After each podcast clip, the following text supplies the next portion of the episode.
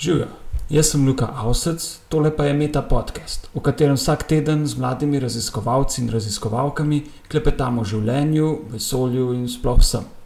Moji sogovorniki so znanstveniki, pred zaključkom doktorata z različnih področji znanosti. Meta podcast domuje na spletišču metina.si, kjer lahko komentirate, dajete predloge ali podprete naše delo. Sledite nam na Facebooku Metine liste ali na Twitterju hashtag MetaPodcast. Danes je z mano živilski tehnolog Luka Kranc. Luka, živijo. Luka, pozdravljen. Diplomiral si na Univerzi v Ljubljani na oddelku za živilstvo Biotehnične fakultete ne, kot živilski tehnolog in tudi danes se opredeljuješ za živilskega tehnologa. Ne? Ja, to je res. Uh, uh, po mojem mnenju je tako, da nekako tisto, kar si izbereš, in če ugotoviš, da je to tisto, kar se veselite, to opredeljuje, lahko pa potem pridružuješ še različne teme. Oziroma, znanja in pač v tem primeru je to biotehnologija, ampak jaz sem še vedno za živilskega tehnologa. No, prej sem te po nemarnem obdolžil, da si vinar, ne? ti to seveda zavračaš, ampak v resnici se ukvarjaš z vinom, nekje na daleč. Ja, to je res. Um, sicer mi je, zdaj, vsaj kar se dela tiče, mi je uh, bližje, uh, si, najboljši približek vina je sintetično vino, ampak, oziroma sintetičen mošt. Ampak vsem se pa ne bi proglasil za vinarja, zaradi tega, ker. Um, Ne, ne, kar ti delaš, je vendarle biotehnologija, ne? je ukvarjanje z mikroorganizmom, ki nam pravzaprav dela veselje in tegobe vinarskega posla. Ja, bi se strinjal, sam ne znam boljš povedati. e, no, ti si drugačen oblančen, tako da e, nimate kakšne brajde doma. Ne? A, okay, to, to pa ni res, zaradi tega, ker um, starši so z dolenske in do letošnjega leta je, je bilo na posestvu pri babici, je bil majhen vinograd, ki pa je zaradi večjih slabih let in izginil, zaradi tega, ker se je nekako izkazalo, da kvaliteta vina in pa tudi. Uh, Sem vedel, da si tudi mal vinarja, ne? a vidiš, pa so prišla do tega. Okay. Zdaj si zaposlen na univerzi na Primorskem, na fakulteti za vede o zdravju. Kako si pristal tam ne, s tako temo? V bistvu je bil vse skupaj samo splet na ključi, um, bolj ali manj pričakovanih. Um, v podrobnosti se tukaj rajš ne spuščal, no, nekaj, nekaj malega je tukaj politike, oziroma in pa cel kup faktorjev, na katere sam nisem imel vpliva. V bistvu si pa šel za svojim mentorjem. Ne? Ja, tako je. Kdo je tvoj mentor? Uh, moj mentor je profesor dr. Peter Aspor. Zdaj imate tam eno manjšo skupino, s čim se ukvarjate? Jaz nadaljujem moje delo, to je izboljšanje vinske kvasovke um, s metodami genskega inženiringa, tem, kar se pa se preostali del skupine ukvarja z, predvsem z medicinskimi temami v povezavi z mikroorganizmi. Um, kolega Miha Tome uh, dela na uh, Candidi Glabrati, uh, medtem ko kolegica Katja Bezek dela na preizkuje faktorje, ki vplivajo na adhezijo kampilobaktra na celične linije. Se pravi, res bolj medicinske eh, tematike. Deva se osredotočiti na tvoj doktorat. Umenil si že, kaj delaš, žlahtniš vinsko kvasovko. Kako to poteka? Obstaja več načinov, kako se tega lotiti. Najbolj taki klasični in za vinarstvo sprejemljivi bi bili neke take klasične metode žlahtnenja, um, kot je recimo izbor naj, najboljših klonov izmed populacije, oziroma klonov, ki delajo uh, največ zaželenih ali najmanj nezaželenih produktov. S tem se ne ukvarjam. Uh, jaz probujem izboljšati kvasovko na tak način, da najprej naredim nek konstrukt, uh, plazmid, uh, v katerega unesem želeni gen ali gene, in potem v bistvu ta konstrukt unesem v kvasovko. Se pravi, to gre za zelo ciljano zadevo. Ne?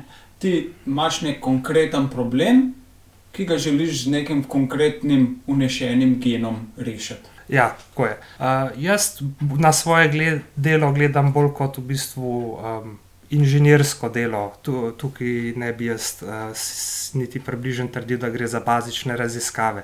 Problem je znan. Um, okay, deva, kaj je ta problem?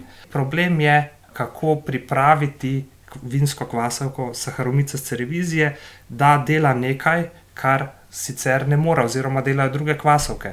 Uporaba kvasovk v različnih kvasovk v vinarstvu obstaja, vendar je problem, ker, ker je to težko nadzirati oziroma kontrolirati. Se pravi, da uporabimo več kot samo eno vrsto kvasovke, zato da nam da želene, kaj se jim, kvalitete vina, okus, von. Tako je. To je nekako tako. Vedno več se uporablja, uh, spon, se uporablja v vinarstvu spontane fermentacije, vendar je um, razen za okoliše, oziroma uh, kjer je ta um, uporaba spontanih fermentacij že čez leta se izkazala, da je primerna, je to tvegano. Zaradi tega, ker v bistvu lahko se na koncu zgodi, da se ti vino pokvari, oziroma do, pridobi neželene. Uh, arome in okuse, in da je v bistvu potem neprimerno za potrošnika, in je to treba zavrčiti. Se pravi, spontana fermentacija pomeni, da ne dodajamo točno določene kvasovke, ampak da pač pustimo, da alkoholno vrenje poteče samo od sebe. Tako je. Ti se ukvarjaš z eno posebno kvasovko, ki se imenuje Bretanomyces bruxellensis. Zakaj je ta kvasovka pomembna? Ta kvasovka je pomembna iz dveh razlogov. Ja, prvi je vezan na vino, drugi pa je vezan na, v bistvu na pivo. V primeru vina je ta kvasovka ponavadi kvarljivka, vendar v določenih okoliših, dolo, um, ki proizvajajo določene vrste vina, je ta aroma zaželena. Um, Za kakšno aromo gre, kako si jo predstavljamo? Um, zaznava arome je odvisna od koncentracije različnih produktov, ki jo ta kvasovka dela. Če gre za nizke koncentracije, govorimo o aromah klinčkov, usnja, če gre pa za visoke koncentracije, pa se v literaturi najpogosteje najdejo opisi, kot so uh, konjski znoj, uh, mišji urin uh, in podobne. To se pravi, problem, ki ga imaš ti, je kako to kvasovko prepričati, da bi ravno prav teh snovi proizvedla v vino. Ja, točno tako. To se pravi, z lepo besedo ne bomo tle daleč prišli, kaj je to kvasovka. Kako pa nadzoruješ, koliko te kvasovke bo v vinu? Ali imaš kakšno drugačno strategijo? Odločil sem se za strategijo, da uravnavam, koliko se izraža encim, ki pretvarja to aromo. Ker ta encim, ki proizvaja to aromo v kvasovki Bretanomyces bruxellensis, očitno dela zelo dobro, oziroma se izraža v razmeroma velikih količinah, se te, teh komponent pretvori veliko. Um, jaz pa probujem to narediti tako, da omejim izražanje na, na minimalno, zato da pride do pretvorbe samo do želene koncentracije. In to poteka v Bretanomyces ali v vinski kvasovki Saharomyces cerevisijo? V bistvu pretvorba, ki jo probujem doseči, je opisana v zelo re, uh, redkih bakterijskih in kvasnih vrstah. In v bistvu tudi sam encim do zdaj ni bil prav dobro karakteriziran, oziroma obstajajo določena nesoglasja, dvomi, da tisti, ki so bili objavljeni, da so sploh pravi. Preprost odgovor bi bil, da Saharomyces oziroma vinska, klasična vinska kvasovka tega ne dela. Del tvoje naloge pa je pravzaprav kaj prenesti gen za to lastnost v to klasično vinsko kvasovko. Ja, tako je. Dej od začetka, kako se tega sploh lotiš? Kako v tej kvasovki Bretanomyces najdeš gen, ki te zanima? Prva stvar, ki se um, pri takih raziskavah dela, je, da se pregleda literaturo in se s pomočjo literature najde kandidatne gene. Uh, si ti našel take gene, kandidatne? Uh, kandidatne gene sem vsekakor našel, vendar se je tekom eksperimentalnega dela izkazalo, da nekako ne drži čisto vse, kar je napisano v literaturi. Moram reči, da Ko sem bil še uh, v zelence, sem še vedno, ampak malenkost manj. Uh, nekako ne razmišljaš o tem, da bi podvomil v nekaj, kar piše v članku, ki je objavljen v ugledni reviji.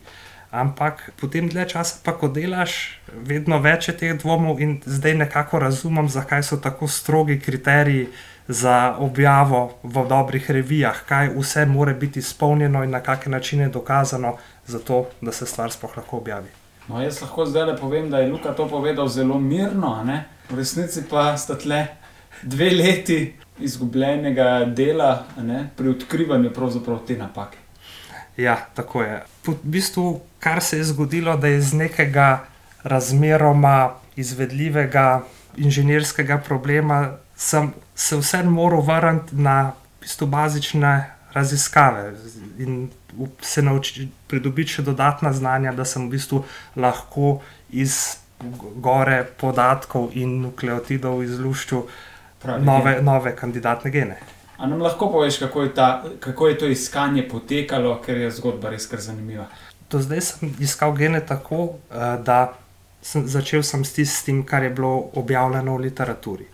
Ko se je izkazalo, da ne glede na to, kako sem se lotil problema, stvar ni delovala, sem pogledal malo širše in, in nekako ugotovil, da v tistih, ko so karakterizirali ta encim, da so bili v frakciji, ki je imela funkcijo pretvorbe, še drugi encimi.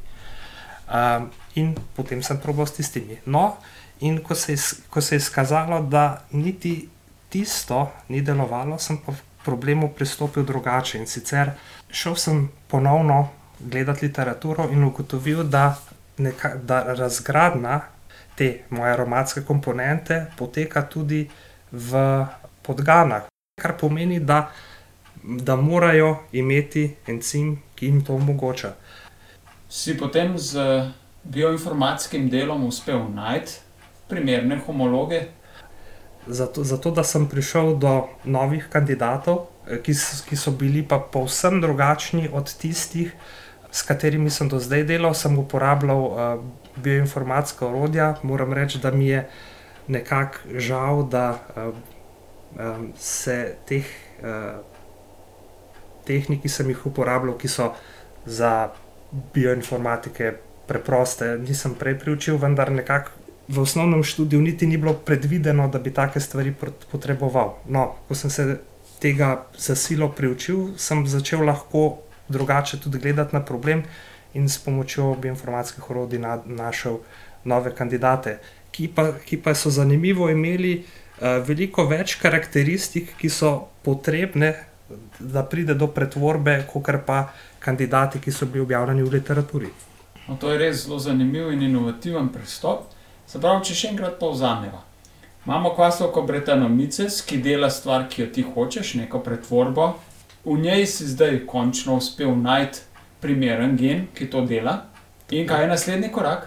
Naslednji korak, v bistvu ta faza je že, ta faza je že v teku, je, da preverim še, uh, še te gene z um, poskusnimi fermentacijami, in potem v bistvu um, tekom fermentacije jemljem vzorce in te preverim z uh, tekočinsko kromatografijo visoke ločljivosti, uh, ki mi da bo dala podatek, ali je do pretvorbe prišlo, ali pa je samo ta uh, substrat ostal nepretvoren.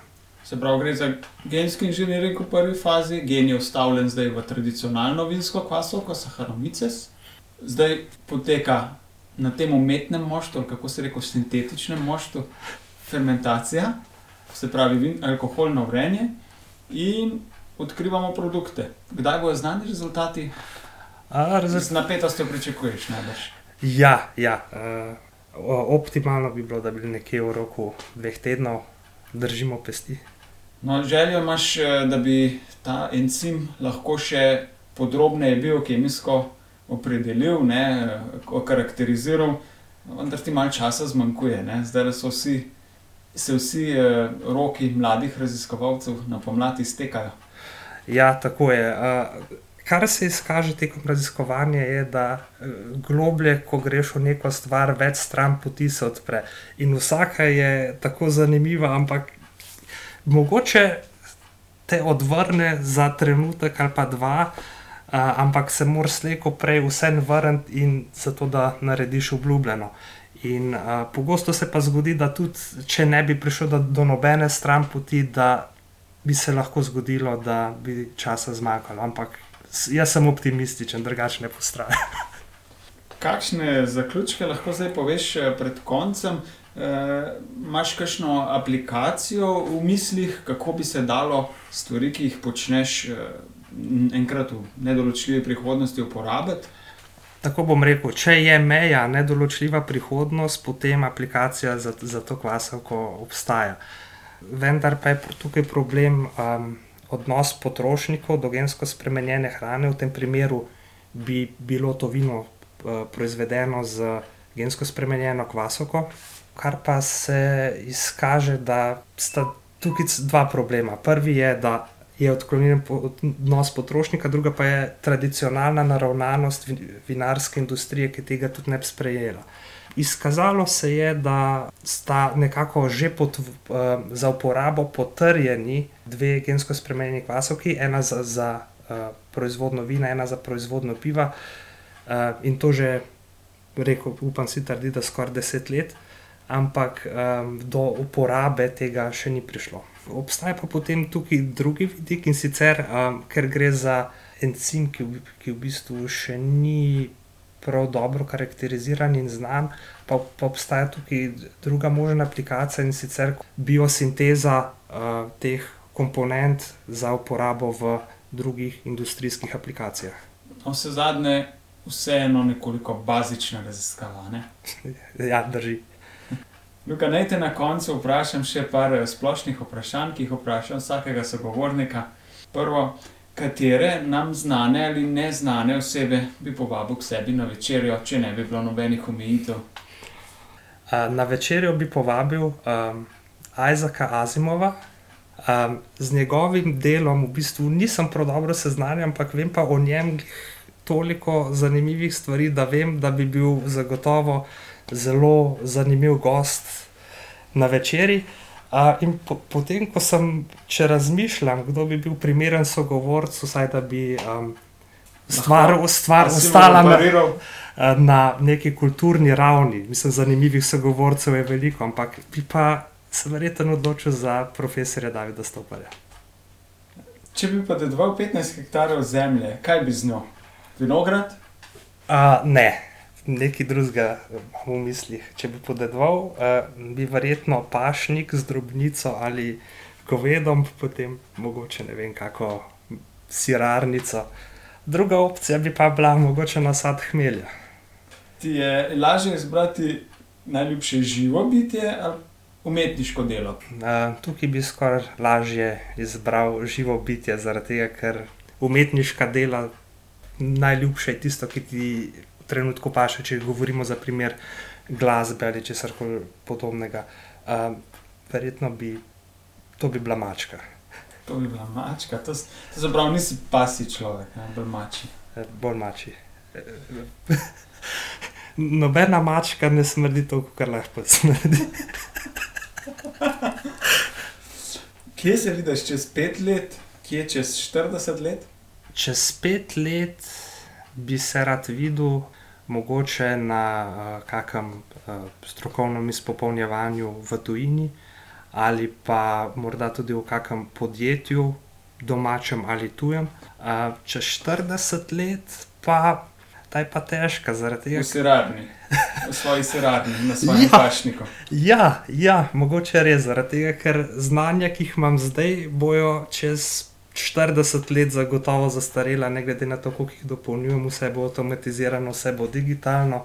Pa bi vsem rad kaj z rokam še naredil, mogoče. Nam lahko priporočiš kakšno dobro knjigo, film, računalniško igro iz zadnjega časa? Ja, lahko. Um, zadnja knjiga, ki mi je konkretno ostala v spominu, je knjiga Sirene z Titana, Kurta Vonneguta. Film je pa zadnji, ki mi je ostal in mi bo ostal v spominu, je pa eden od uh, letošnjih Oskarjev, cel um, Whiplash oziroma Ritem norosti. Si želiš več prostega časa, kot ga imaš zdaj? Kaj bi z njim? Absolutno. Uh, predvsem bi ga porabil za uh, več zadrževanja na soncu, in pa rekreacijo, to, to, to mi malo manjka, kolesar, kako kolesarjenje je fajn za odklop. Luka Kranc, hvala za pogovor. Luka, tudi tebi hvala za zanimanje. Poslušali ste Meta podcast. Pohvale, pripombe in predloge za bodoče goste nam lahko posredujete tudi po e-mailu na znanostafnametina.com Sicer pa nas poiščite na Facebooku, Metine liste in na Twitterju, kjer mene najdete kot @inlife, čivki v podkastu pa ima hashtag metapodcast. Vse oddaje s povezavami na domače branje so doma na spletnem portalu metinalista.si, kjer lahko ta projekt tudi finančno podprete. Hvala in naslišanje prihodnjič.